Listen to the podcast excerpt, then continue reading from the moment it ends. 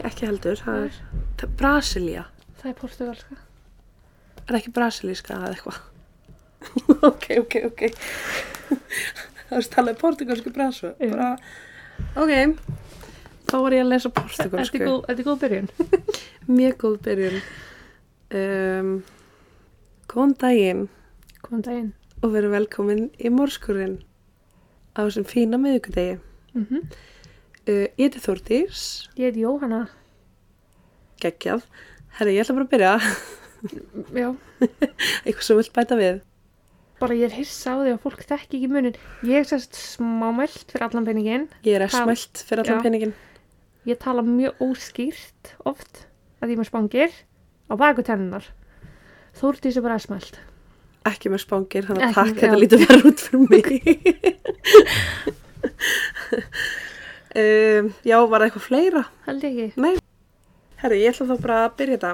Um, tek það samt fram að ég er að fjalla um sjö ára stelpu. Ef einhverjum líður illa með að hlusta það, þá heyrist við bara í næsta þætti. Gildi það með líka. Nei. Máttar hérna.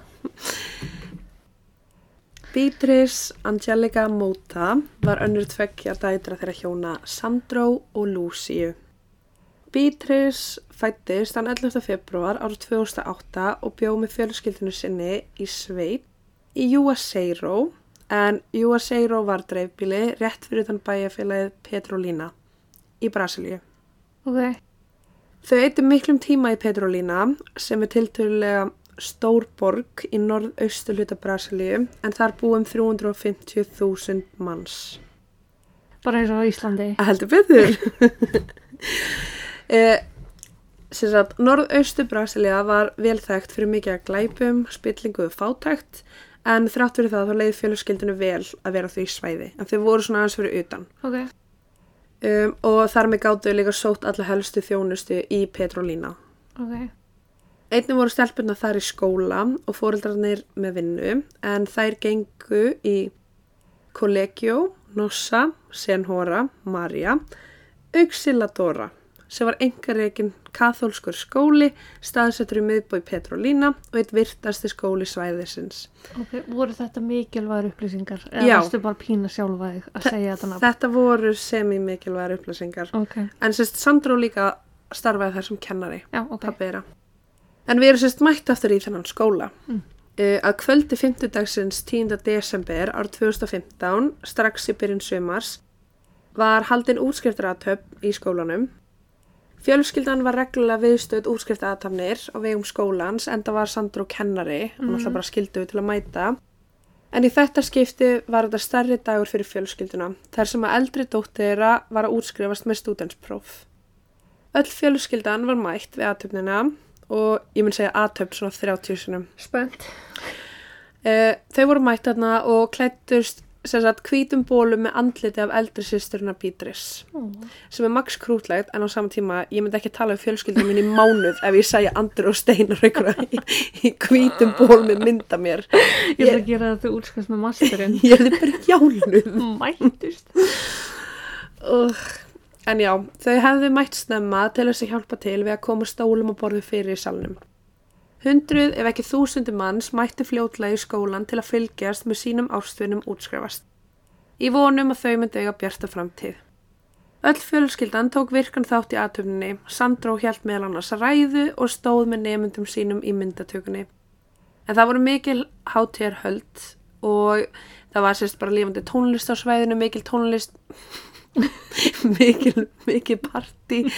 En það var, sérst, þetta var ekki svona svo hefðbundin útskrift á Íslandi þar sem að aðtöfnin tegur klukkutíma, skólameistarinn að tala og allir frá heim. Ah, ok. Þetta var sérst um kvöldi til og það voru allir bara að fagna saman. Þetta var bara útskrift af vistla, Ok. þannig séð. Við aðtöfnina sjálfa var Beatrice með móður sinni, Lucy, en hún var mikið á yði. Náttúrulega sjóra krakki, Já. Ekki alveg að nenna að sitja þessi aðtöfn. Ég er ekki viss um þau kunna að setja lengur í fimm mínútur í sann. Einmitt. Í sömu myndböndum frá aðtöfninni má sjá hann að sitja með föðu sinum og öðrum starfsmönnum sem sagt, skólans og öðrum myndum sérst hún sitja við hlið móður sinnar í salnum eða hlaupa um með vinkunum sinum.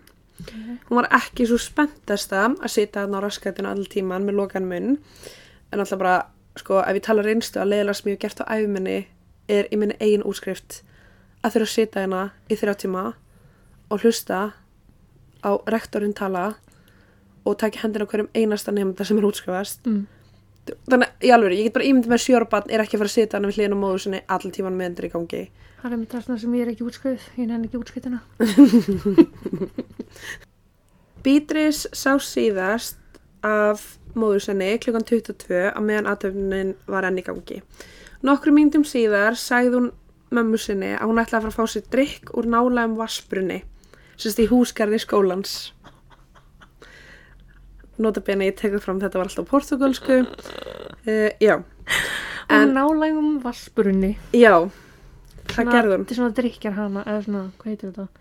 Já, í rauninni. Slefvél, eins og alltaf í haugahúsinu. og Já. Já. basically myndefni sína móðurna leita í salnum og nákvæmna dóttusinni án árangurs en sem sagt eftir að hún fer og ætlar að fá sér þannig vatn þá bara finnur hún ekki lengur og fær smá svona að býtu, æ, hvað ertu? Já. Þegar að Sandró losnaði undan þáttöku sinni í aðtöfninni uh, kemst hann að því að Beatrice hefur ekki sest í nokkur mínútur sest, já en þetta er sest, engareikin skóli með öryggisverði og aðeins ein leið inn eða út. Já, ok. og Gott. já, nema það að náttúrulega fóröldarnir eru bara eitthvað, þú veist, þau byrja ekki beint að örvænta, bara hún hlýtur að vera eitthvað stærna, hún er að hlaupa eitthvað stærna með vinkonum sinum eða eitthvað. En þau bara funda hann ekki akkurat þarna. Um klukkan 22.43 stígur Sandra á svið og pásar hljómsveitina sem var að spila til þess að kalla eftir dótsinni og hann segir sagt, hann er bara að tala um hana bara Beatrice, kottu þú veist, hvar ertu, Já. við erum að leita þér Hann segir sem við fólkið að hún sé tínt og hún sé klætt í eins ból og hann með hvítan með myndasýsturinnar og byrður svo fólk um að aðstofa sig við að leita. Mm. Þessi tilkynning hans hafi þó ekki mikil áhrif því Beatrice held áfram að vera tínt í nokkra mínútur en starfsmenn skólans byrjuði í raun bara að leita stúlkunni. En það held allt áfram, tónlistin byrjaði að spila aftur og það var ekkert eitthvað chaos. Já. Nokkru mínútum síðar kemur Sandró upp aftur á svið og segist hafa leita allstaðar sem honum dettur í hug og ekki enn fundið dóttur sinna. En hann segir að á þessum tímpunkti er hann orðin svolítið örfandingu fullur Já. og er bara eitthvað, hei, ok, getum við núna hjálpa staði við að leita. Akkurat. Þá byrja allir að leita saman. Tónlistin slúttar og þetta er bara eitthvað, herðu, finnum hana og heldur svo áfram. Já. Og meðan Sandró áverpaði salin um aðstóð heyrðist öskur og grátur utan salskólans. Lík Beatrice Móta hafi fundist af öryggisverði inn í að mest tómum skáp við hliðin á yfirgefnu íþróttahúsi skólans. Þessast eldur á völdum nefnda aðeins nokkru mánuðum áður hafi leitt til þess að þessum hluta skólans var lokað en öryggisverðurinn hafi vilstangað í leitastúlkunni. Þess þetta var bara, það var kviknaðarna í fyrir nokkru mánuðum og það var ekki búið að gera neitt í því. Já, ok. Þannig það var í raun svona, já, það var enginn að fara ángað. Afgirt svæði. eitthvað. Já, þannig séð.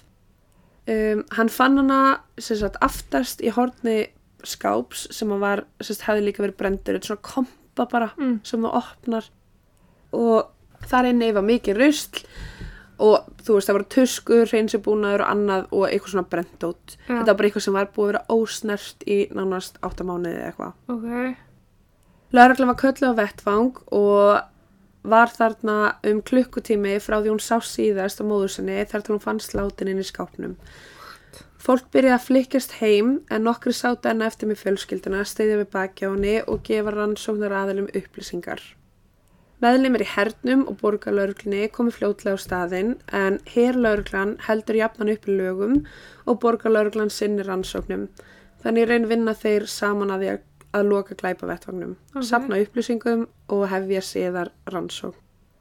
Næsta dag eða þar um bil gekk ríkislauruglan í Refís sem er bara svona nálaður bær uh, og tæknadelt lauruglanar til liðis við þá sem, en þau sérst vega bara sérstökum málum varandi vettvang glæpsins og sönnagögn. Uppgötun og líki Beatrice í brenda skápnum við hliðin og yfirgefn og íþrótuhúsinu var sérstaklega erfið fyrir þá sem kom á vettfangnum en þau höfðu bara aldrei séð annað eins áður. Nei. Eftir að lauruglan kom í skólan var öllu lokað af og lík barsins flutt til Juaseiro þar sem að krupning átt sér stað. Við krupningu kom í ljós að Beatrice hafi verið stungin mörgusinnum í bringuna, maga og meðfram handleggjum og fótum. En við nánari aðtugun fundust alltaf 42 stungusár. Hvernig gerðist þetta bara án þess að einhver heyrði einhvað? Mm Sem sagði lögreglunni að morðingin var virkilega reyður, uh, en það var það bara gott betur en dráp, drápskvöld til staðar, Mhm. af því að hún lítur að hafa verið látin eftir fyrstu tíu. Ég er að bara segja gefum það, þú veist þetta er bann. Upphöfulega voru vangaveltur um kvatan sem lága baki morsins, hvort sem hann hafi verið persónlegur eða hefði stafað einhvers konar tilfinningarlegum kvötum. Sérst bara hvort að hann eða hún, morðingin, Mm. hafi farið þarna til að drepa hana. Já, Þú veist bara hvað gekk á. Já. Var þetta hefnd við fjölskylduna? Bara akkur var hún stungin 42 svar. já, Morvopnið, hnífurinn, fannst á vettvangi en hann hafi verið skilin eftir hálfgrafin í hvið fórnalamsins. En þetta var sérst bara svona venjulegu steikatnífur með viðar handfangi. ok. Það kom virkilega óvart að engin merki voru um að kynferðisbrot hefði átt sér stað en sangvært lögreglu voru engar sannanir fyrir því að morðingin hefði eld bítris vegna kynferðislega kvata Ok, sem að í raun gerði glæpin enn fyrðulegri af því að hann hefur einhvern veginn fundið hana ákveða að drepa hana það verður Farga bara líkinu. tilhefnislegur tína... tilefnislaust. Takk. Já. Í ljós kom að Beatrice lést á staðinu sem hún fannst vegna þess að það voru engin ummerki um blóð hennar utan þessa staðar sem bendi til þess að hún var hvorki borin þangað niður dregin eftir dauðan. Ok, Þannig að morðingin hefur bara tekið hennar þangað inn, já, veit ekki hvernig og bara stungið hennar 42 svar og þetta er náttúrulega bara klukkutími Já. sem hann hefur.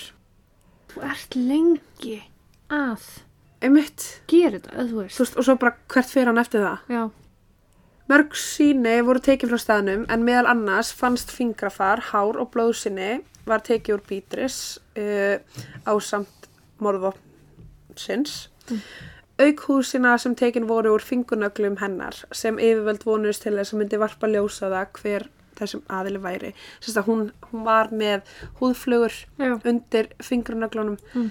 sem að bendi til þess að hún hafi streyst á móti Já. og hafi mögulega náð að klóran og sérst ná díina undir Mhm. neglunar. Lögreglan byðilega til allra þeirra sem voru stattir við aðtöfnina um kvöldið og þeirra sem voru nákvæmni skólans að gefa sig á tal við lögreglu í vonum að fá skýringar á því sem hefði gerst já, og til þess að útiloka þá aðila sem hægt var að útiloka en það voru þetta hátt í 2000 manns. Það voru ekki margir krakkar og hennar aldrei viðstættir aðtöfnina og því gáttu mörg vittan að muna eftir því hafa séðan á staðnum. Það er sko sama setning og ég var að segja á þann. um leið og byrjar að tala. Já. horfðun á þig, grætti sig Sumir gáttu jafnvel rifja upp að hafa séðan á svæðinu við vassbrunnin nálagt húsgarðu skólans. En þetta er sérst bara eins og skólinn sé svona já, og hérna í miðin, miðin er bara opið. Þetta er svona svo eldtónskóla Já, þannig að það er opið gatamilli Talið var að morðingin var í tækifæri sinni sem greip hana þar nálegt og fór með hann á einangran stað til þess að binda enda á lífinar sérst bara að það var engin kvati á bakvið þetta. Engin ástæða, Já, bara að drepa bann Auk þess að sapna vittnis yfirlýsingum frá fólki á svæðinu var lauruglan að sapna saman upptökum frá skólanum og fyrirtækjum í nágrunnu. Skólinn sjálfur var með nokkrar öryggismyndavilar sem notuðu hreyfiskinjara en reyndust gagslausar á meðan rannsókninni stóð. Myndefni frá skólanum var geimt á hörðum disk en myndi fljótlega eyðileggjast og svæðið í kringum íþrótúsið hafði engar myndavilar. Þær höfðu sérst skemmst út af eldinum. já, já, já. Þetta þýtti að rannsakendur þurftu að mestu að treysta á utanakomandi myndefni svo og myndefni sem tekið var við útskriftar aðtöfnina sjálfa, sérst bara frá fólki. Sem hefur verið gríðalegt magn. Mm Auk fóreldra og annara aðstandenda uh, var búið að ráða faglegt kvikmyndateimi til þess að taka upp útskriftina. Hún bara frussaði þessu út. Allir voru beðnir um að áframsenda myndefnið eða ljósmyndir til örglunar svo þeir getur skoðað atbyrðarásina sem leitt frá kvöldinu og vonandi að fá bara ákveðna tímalínu hvar Já. allir voru og bara hvað gerðist. Með gífilegt mynda sem teknar voru á myndefnið sem tekið var uh, gáttu rannsóknarmenn rakið hvar sjö ára Beatrice móta og fjölskyldumellumir hennar voru yfir kvöldi. Ok. Sest, en þetta var cirka bát eins og fóreldrannar höfðu. Bara hún satt með móður sinni, fór eitthvað aðeins að leika með vinkonu sinni, satt síðan með föður sinum og eitthvað svo leis. En í gegnum aðtöfnuna mátti sjá að Beatrice satt með fjölskyldinu sinni mest allan tíman. Klukkan 20.10 sást hún sitja með föður sinum Sandró. 21.55 halda nefndir áfram að fá próskirtinni og Sandró er kallar á svið. Þegar myndælinn beinist á honum má sjá að Beatrice situr bara með honum. Um 22.02 stendur hún upp og færist nær móður sinni og er þar næstu mínútunar. Síðustu myndefni sem rannsóknumenn funda Beatrice var klukkan 22.09 sem sýnir hann að ganga frá móður sinni í átt af vansbruninum í húskari skólans. Frá þessu atviki er ekki fleiri myndskeið sem sína hvar hann er staðsett nýja með hverjum og líklegast er það á þessum tímúti sem hún hvarf og var drepin. Ok. Þessi myndskeið eru bara það sem voru tekin upp á aðtöfninni Já. sjálfri Mhm. og þú veist þetta er inn á YouTube. Þú veist, þú getur horta á þetta og séð hana bara ganga um og eitthvað. Síðustu stundin hennar. Mm Bókstala. 10.25 má sjá fjölskyldumælum í salnum byrja að leita af henni og 10.43 fyrir Sandra upp á sviði til að ávarpa áhörfundur, sérst Já. til þeirra. En nokkur síðar kl. 10.50 finnst líkið af henni. Þetta er ekki klukktími. Nei, þetta er ekki kluttími. Nei. Vangaveltur voru um hvort morðingin þekkti sig um á svæðinu og bjóði kunnáttu um hvar myndavélakerfi skólans væri, hvernig á að komast inn og út uh, með bara brendapartin og bara vissi nákvæmlega með öryggisverðina Já. og það var alveg bara svona, ok, uh, var hann í aðtöfninu sjálfri eða var hann starfsmæður Mhm. eða bara hvernig, hvernig gæti hann komað inn óséður og aftur út. Hún er tótt verið þarna allan tíman. Mm Hins vegar er talið að mörg vitni hafi séð morðingjan í skólanum, bæði fyrir og eftir glæpin en höfðu ekki vitað eitthvað væri gangi á þeim tíma. Í februar ár 2016, um það byrjum tveimur mánuðum eftir morði á Beatrice, gaf lauruglan út stafræna teikningu af mannesku sem vakti aðtegli þeirra sem þeir vildu bara í raun á talaf. Vitni höfðu sagt hafa séð þennan einstakling nálagt vassbrunnum þar sem að síðast aðeins sést til hennar og þar með talin móðurinnar sem leita af henni á þessum tíma. Hún sérst sá líka þennan mann hjá vassbrunnunum. Ok. Eitt þessara vitna hafði séð þennan mann sitja á bekk nálagt vatninu og taka sér drikk rétt þegar hann nálgaði svæðið og eftir að higgja sagði honum að hann hefði líklegast tekið sér eitthvað til að drekka til að vekja minni aðtikla á sér að vera að sita hana. Sérst bara að forðast tórtrygni á þeim tíma. Aha. Að minnst að kosti eitt vitni sagðist hafa séð hennar mann á hvernmanns baðherbygginu á einhverju tímapunkti og annað vitni sá þennan sama aðila koma frá svæðinu þar sem að Beatrice var myrt. Svo var einni annað vitni sem sá þennan aðila á Karlmanns baðherbygginu að þó á sér hendurnar og í framann stuttur síðar en það var ekki sem hugsaði eitthvað út í að þá. Nei. Sangvært Sandró það hafði þessi einstaklingur nálgast að minnstakosti tvö önnu börn um kvöldið og beðið þau um að hjálpa sér að bera borð inn í salnum þar sem að úrskiptraðtöndun var haldin. Uh, þrátt fyrir að þessi lokkunar aðferð virkaði ekki á hinn tvö börnin þá gerði það svo sannlega á Beatrice. Hún hafði líklega farið með honum að fúsum og frjálsum vilja að hjálpa honum með eitthvað. Sú staðreind að þessi einstaklingur hafði reynd að lokka tvönu börn inn í myrkrið uh, benti til þess að Beatrice hafi ekki verið skotmarki hans, heldur var það bara að hann var tækifæri sinni. Mhm. Stafræna skissan að þessum einstakling kom í formi ífitt sem er bara tölvigerð mynd Já. uh, sem rannsakandur hafði eitt meira en mánuð í að útbúa með aðstóð þessar fjölmörgu vitna. Það var engin þannig sem mynda andlitan á neinstæðar, þetta var meira bara eins og skissa Já. teiknu skissa. Sagant yfirlýsku vitna var hann 1,65 til 1,70 1,70 á hæð, um 70 kíló og með miðlungstökka húð. Hvað andlit strætti varðar hafði maðurinn djúb og alvarleg augu og með svona ábyrrandi andlit. Ég veit ekki hvað er ábyrrandi andlit en þetta var bara það var eitthvað ein- einkennandi við hann já hann var í dökkbláum buksum líklegast gallabuksum og í grænni skirtu með kraga vegna þess uh, varð hann á lokum þekktur sem bara maðurinn í grænu treyjunni eða Mm. bara grænu bólurinn. Já. Og enginn kannast við hann fyrir þetta kvöld. Nei.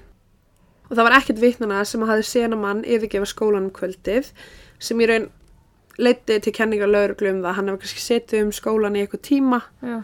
og þar leindi hjælt lauruglan áfram að skoða fyrirleikjandi myndefni sem var til staðar og til að reyna að finna út bara hvað er þessi dularfulli einstaklingur sem að vittin er að tala um hafi verið hverju sinni Mm.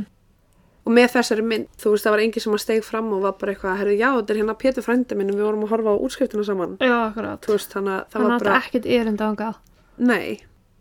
Aðeins nokkru dögum eftir að stafræna teikningin var sest, sett fram af þessum óþekta einstaklingi uh, gáfu rannsóknaræðalar út að það gæti verið fleirin einn grunar í málinu. En það virti staf af því að tvö ógrein DNA síni uh, voru endurheimt af vettfangi glæpsins en annað þeirra kom frá morðvopninu, nýpnum og hitt fannst undir neklunum á bítris. Þannig að það hefur verið fleiri en einn gerandi eða Já. þannig með. Bæði sínin virtust koma frá mismunandi körlum sem að voru ekki skildir og var einnig sest, tilvist tvekja ábyrjandi DNA sína á líkama Beatrice Mm. sem að hérna fannst og benti til þess að það væri fleiri en einn morðingi. Ok. Næsta mánuð í mars 2016 tilkynnti lauruglan að alltaf fimm manns hefði mögulega verið uh, viðrinnir morðið. What? Þar á meðal embættismenn skólans, eða sérst embættismenn að sinn einhver sem var starfsmaður í skólanum var hátsettur. Já. Yfirvöld fullirtu opiðberlega að þessi fimm einstaklingar hefðu á einhverju tímapunkti týnt liklasettum sérst af skólanum. Yfirvöld fullirtu opiðberlega að þessir fimm einstaklingar hefðu leift uh, þremur liklasettum að hverfa þannig Ok. séð, sem heimiluð aðgang að innri og ytri hurðum og hliðum skólans. Ég skil eitt leikla sett. Já, En þetta voru þrjú? þrjú. Tilkynnt hafi verið að þessi þrjú liklasett hefði verið týnd 25. nómber um það byrjum tveimur vikum fyrir morðið Ok, Já. Og yfirveld gískuð á að þetta væri verna fyrirhugas að þetta hafi verið gert að ásettur á því. Já, Að sérst einhverju hafi fengið líkilinn. að einhver hafi viljandi látið leiklana tínast en að gesa lappa fyrir. Já. Já. Um, Lörglann sagði einnig frá því að ljósin hefði verið slögt á ganginum sem liti sérst að gamla íþrótahúsinu skamt frá því þar sem að lík Beatrice fannst og þar lindi gískur á að þetta hefði verið viljandi gert Já. og sérst að það hafi verið tekið þátt í vandleri skipulegningu og framkvæmt á morðinu þar sem að það í raun að því að myndalina kerfi var hreyfi já. og það er með slögt á öllu og þá nærði ekki að pikka upp Já. neitt í myndavélunar og í rauninni voru myndalina þessuna gagslisar fyrir yfirvöld Mm um, einnig talaði laurglan um að þetta væri mestalagi 20 mínútur frá því Beatrice var horfin og þegar fóldrarna voru farnir að leita sem morðingin hefði líklega fengið hjálp við að framkoma glæpin Akkurat. og hugsalega jafnvel frá skólastjórnendum eða sérst einhverjum innan skólans Var eitthvað reyður út í pappana eða? Ó, nei, svo sem ekki Ok. um, Lörglan vildi þá aldrei gefa út uh, nöfn og aldur á þessu fimm einstaklingum sem að þeir taldu vera sest, að einhver leiti á einhvern hátt pínulítinn viðrinir. Mm. Þetta voru svo fimm sem kom til greina og svo bara eitthvað og getur verið að hafa verið þessi eða þessi. Þú veist, ekki allir fimm í einu. Já, já. Allir nema einn voru karlkinn starfsmenn í skólanum sem virtist hafa einhverjum tímapunkti logið eða afvega leitt rannsakandur um, með sérst bara lítil smáadriði í viðtalunum sínum. Já. Þannig að lögreglum var svona, herðu, ok, að, þú veist, þú ert að ljúga með þetta. Já, Þannig að já. þeir ákveðu bara að hugsa, ok, getur verið að það sé eitthvað meira sem þú ert að ljúga með. Akkurat. Ella. Já. Að minnstakosti þrýr þeirra neituðu að hafa verið á svæðinu þegar þetta gerðist uh, sem rannsóknar aðilar töldu að var bara bull út eða þeir voru með myndbassgögn Já. sem að sáu þau Mm og einni var hérna sérst, öryggisverður sem sást til á myndbandinu sem að í raun afsalega sér skildum sínum á þessu kvöldi. Þú veist- þannig að hann þurfti ekki að gera neitt sem hann átti að gera. Já, í Já. rauninni. Hann hafi í raun bara sérst verið þarna, hann hefði ekkert verið að, Vinna. já. Já. Þrátt fyrir að þessir fimm einstaklingar séu grunaðir ofinbarlega um aðild málsins eða minnst að kosta að reyna að sagt, bara hilma yfir einhverju sem mögulega átt sér stað það voru engar sannanir sem að tengdu þá sérstaklega við þetta. Það, var bara, það skrýtna var bara liklarnir og svo voru þeir að ljúa með hitt og þetta. Já, já. og þessi þrýr aðilar sem sögðu nei, ég var ekki á svæðinu en sáist á myndbásupptökum Nánast allar upplýsingar sem yfirvöld gáðu út um, virtust vera bara eitthvað bull, bara eitthvað ótrúlega kringumstæður sem voru bara ekkert hægt að sanna eða afsanna þannig séð. Og fjölmjölarnir tóku þetta upp eftir lauruglunni og held ég bara fram að lauruglan væri beint bara að henda skíti vegginn til að sjá hvað festist Já, já, já.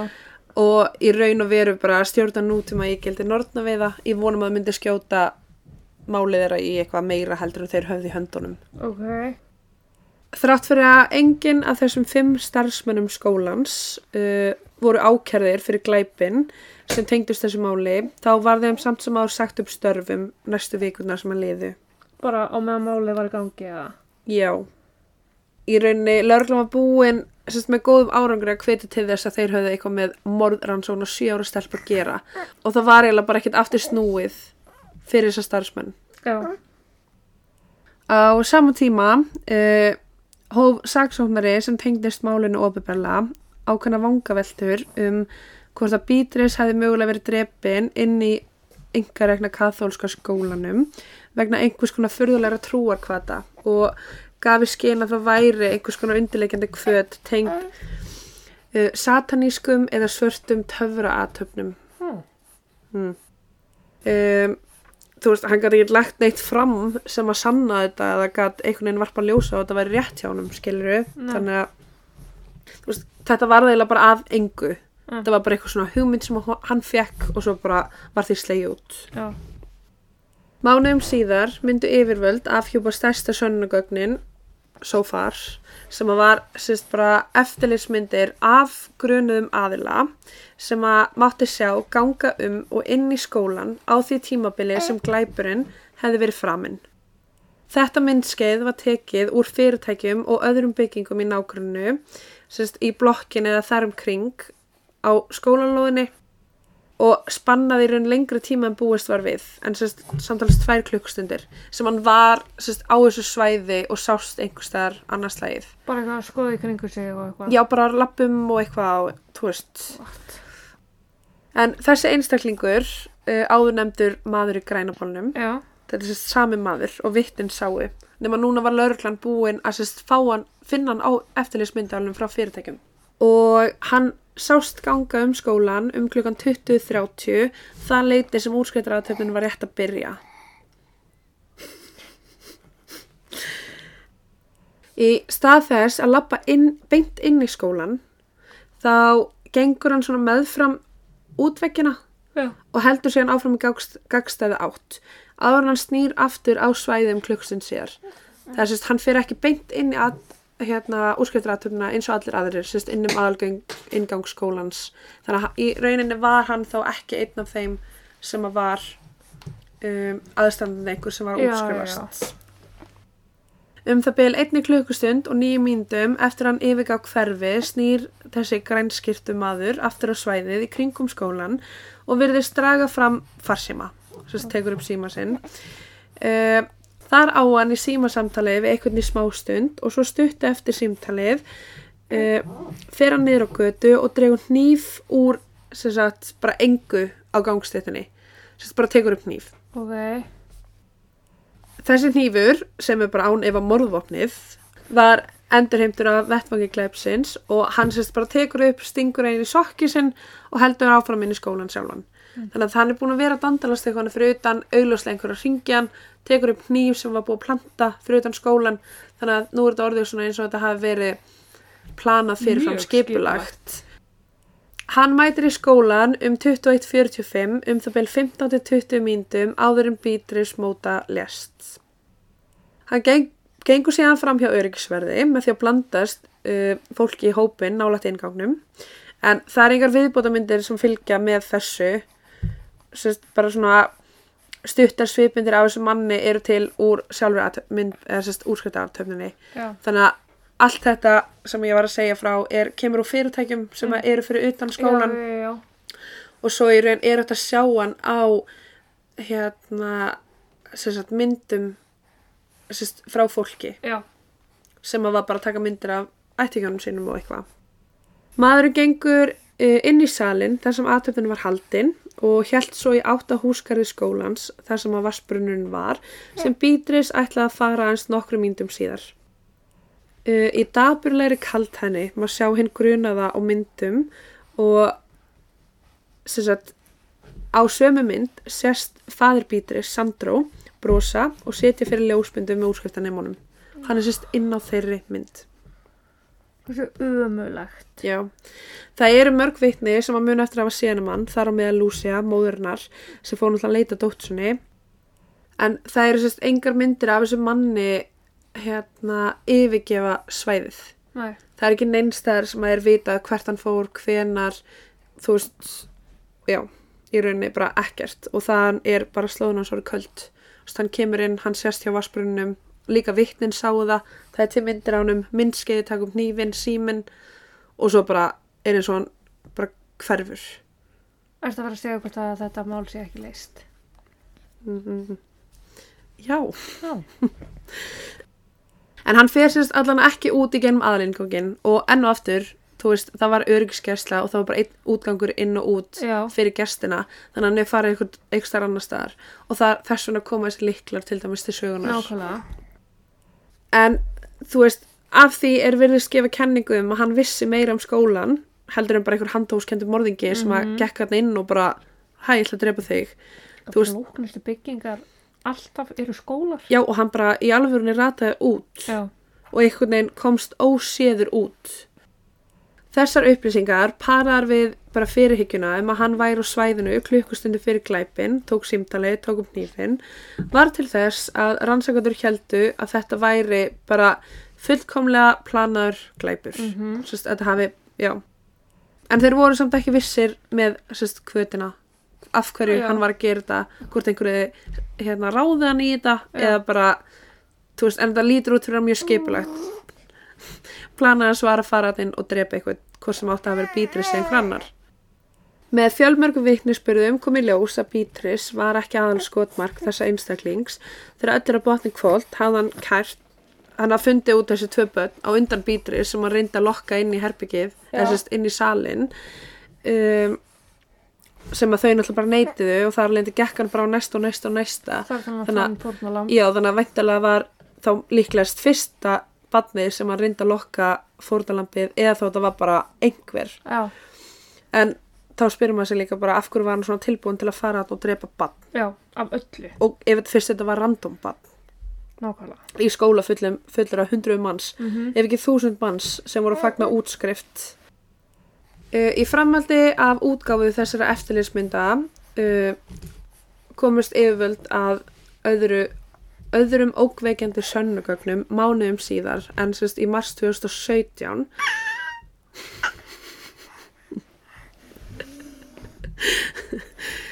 um, að þessu sinni myndir byrta myndir og myndefni úr öryggskerfi skólans sem að þeir heldu að hefði verið sérst ónýtt, hefði ekki virkað Já. þannig til að byrja með þegar ég sagði að væri þeir hefði ekki náð að nota neitt af þessu en sérst, þau sendu þessu gögn úr landi uh, til bandarísku alvíkislauruglunar Ok. til að fara í gegnum þetta og það veitti þeim bara skýrustu myndina af hinn gruna morðingja til þessa en það er sérst, þessi einstaklingur sem er maðurinn í grænu skýrtunni Já. en þó það sé ekki beint endaleg mynda sem einstakling þá var alltaf nætt að byrja saman við hugsalega grunaðan mann í framtíðinni og útloka þá sem að pössu ekki við akkurat þennan prófæl veist, þannig að það var svolítið auðvelt með gesti og alla og DNA og þú veist, nú ertu búin að setja þetta inn í kerfi hjá alreikis lauruglunni Já. Og það er auðvitað að- upp. mikið auðveldara næstu árin myndi bara fara í raun í þetta nákvæmlega sama reyna að finna upp á þessum aðila í, Í grænu, grænu, skiptinni Uh, en þá var meðal annars Franziska Nero, hún tók við rannsókninni og hún var fjórði fulltrúin til þess að hafa umsjón með þessu máli og innan við tveimur árum og var sérst lengst af um öllum. En myndalókum reynast mistök sjálf sérst að fara yfir þetta mál. Já, fjölskyldan hjá Beatrice var ekkert sátt við það. Að það var alltaf að vera skiptur rannsakandar sem þurfti að kynna sér málið upp og nýtt.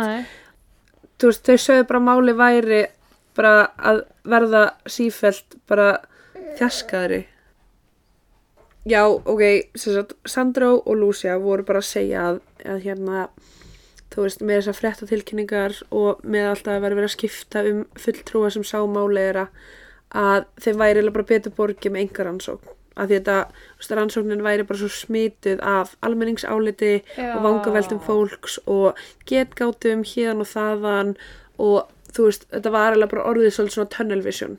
Og veist, og þau veltu sjálf fyrir sér bara eitthvað, ok, þú veist þessi gæi græna, er hann? Veist, það er bara búið að imblina hann þannig að þau voru sjálf bara, þú veist getur verið að þetta sé bara ekki hann og einhver sé að komast upp með þetta. Já. Var ekki gott fyrir rannsóknar hagsmunni að lögreglan verið með þetta mál lengur?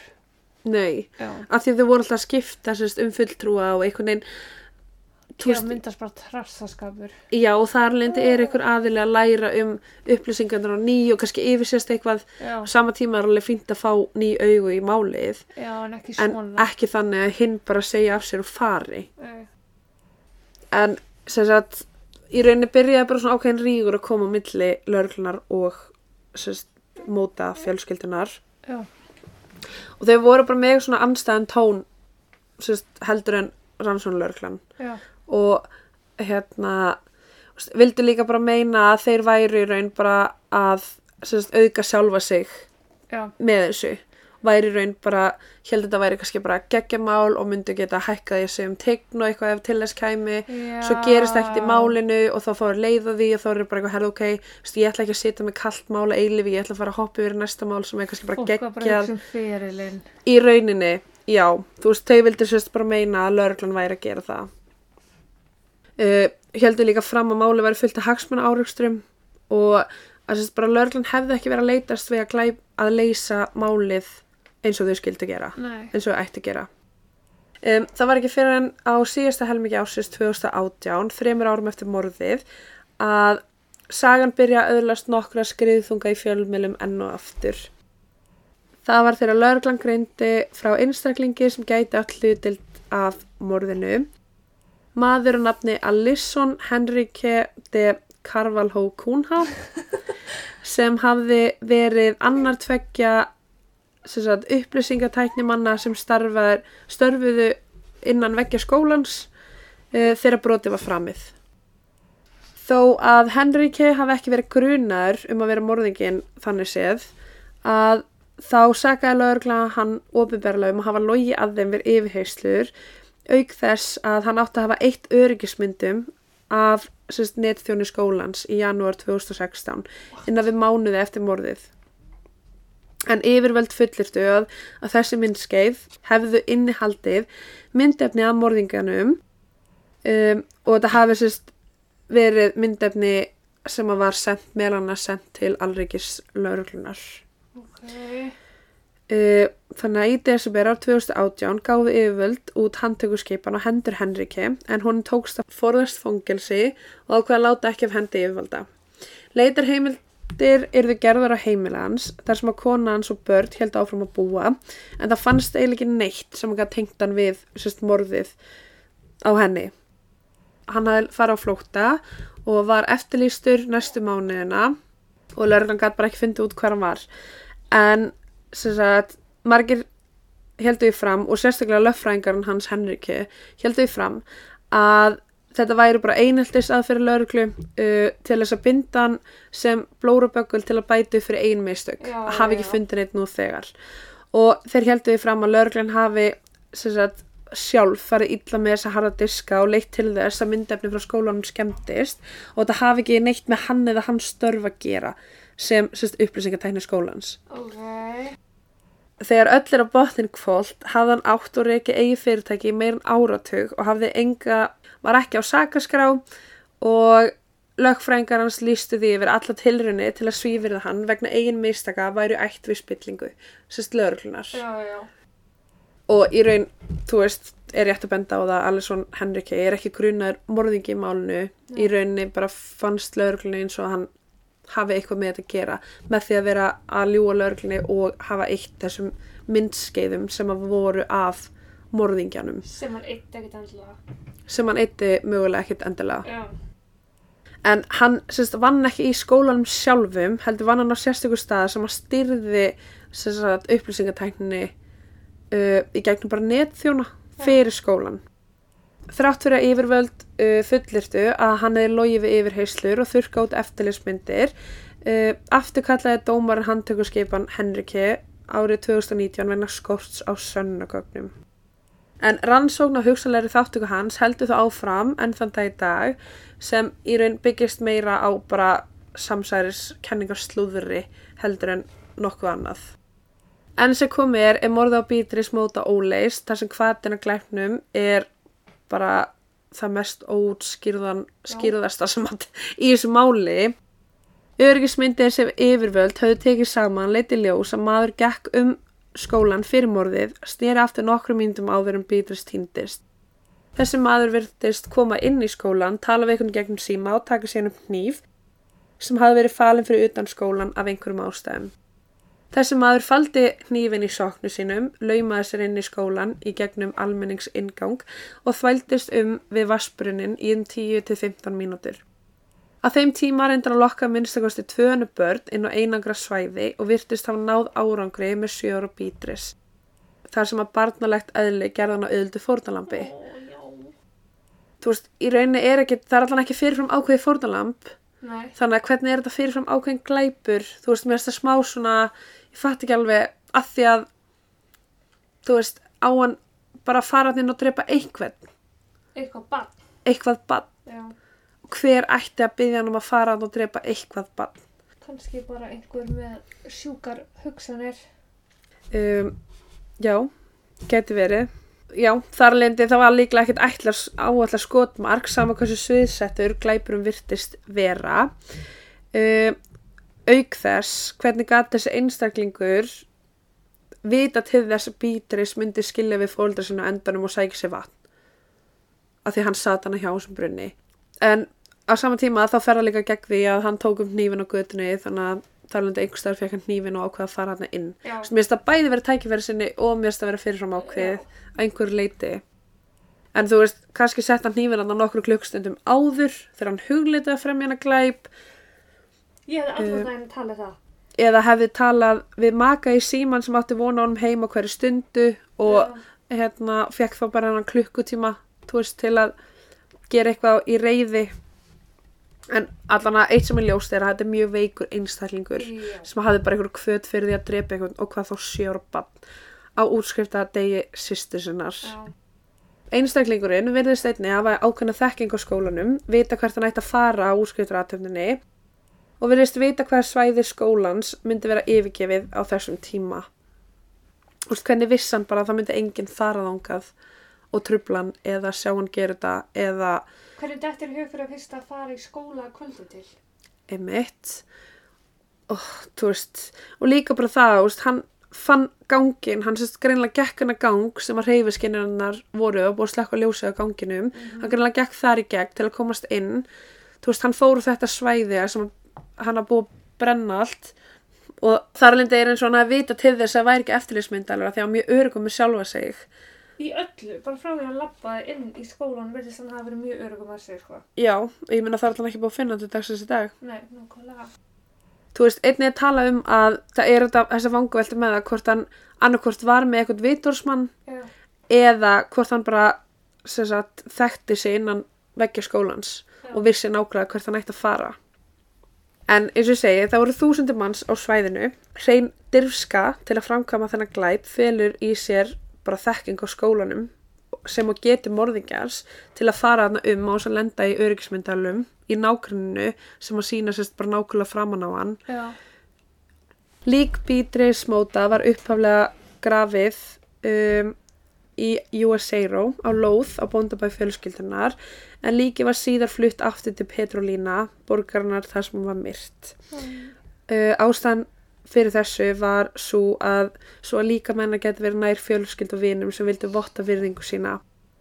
Auk þess sem þeir vildu reysa helgidóm henni til heiðurs.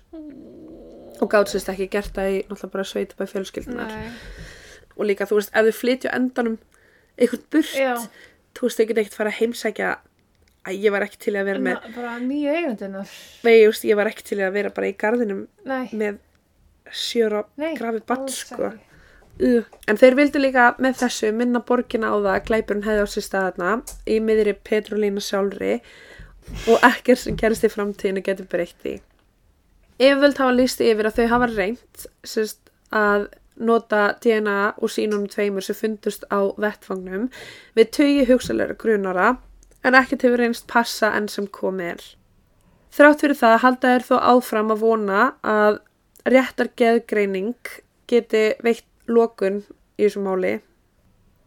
Já, þeir sérst bara vonast að einhvern tímann muni einhver segja eitthvað og einhver muni stíga fram eða þá einhver muni þekkja mannin á myndinni Já. og þeir eru þá með DNA-ið til að bara para saman Já.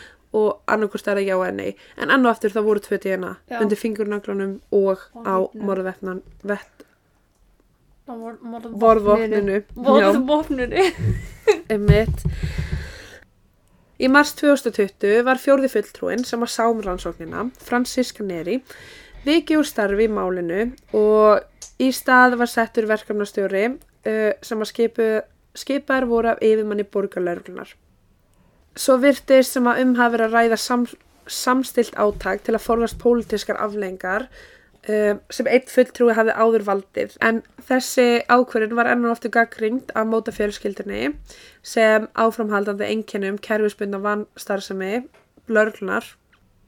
Tæpum fimm árum eftir ítvikt morð á þessu sjö ára batni uh, er málið ennþá óleist þar sem að fóldræðanar Sandra og Lúcia halda áfram að kalla eftir réttlæti daglega sem að leiði bara í enn meiri sorg Já. yfir því að það sé ekkert að gerast.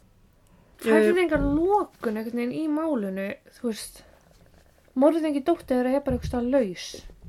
Já, og þau eru sko búin að eyða sem sagt bara sínum dögum Já. og vikum og mánuðum eftir þetta í sérst bara að mótmæla Já. til dæmis uh, þau hafa setið hungurverkföll til Já. að vekja aðtökli á málinu og svo árið 2019 þá, þá hófuðu fjölda fjármögnunar her herrferð til að hefja sína eigin aðskilda enga rannsókn Já, Sérst, og réðu bara enga spæra og vildu bara, raun, þau vildu bara sjá um þetta sjálf. Já, ég var að fara að spyrja hvort það hefði...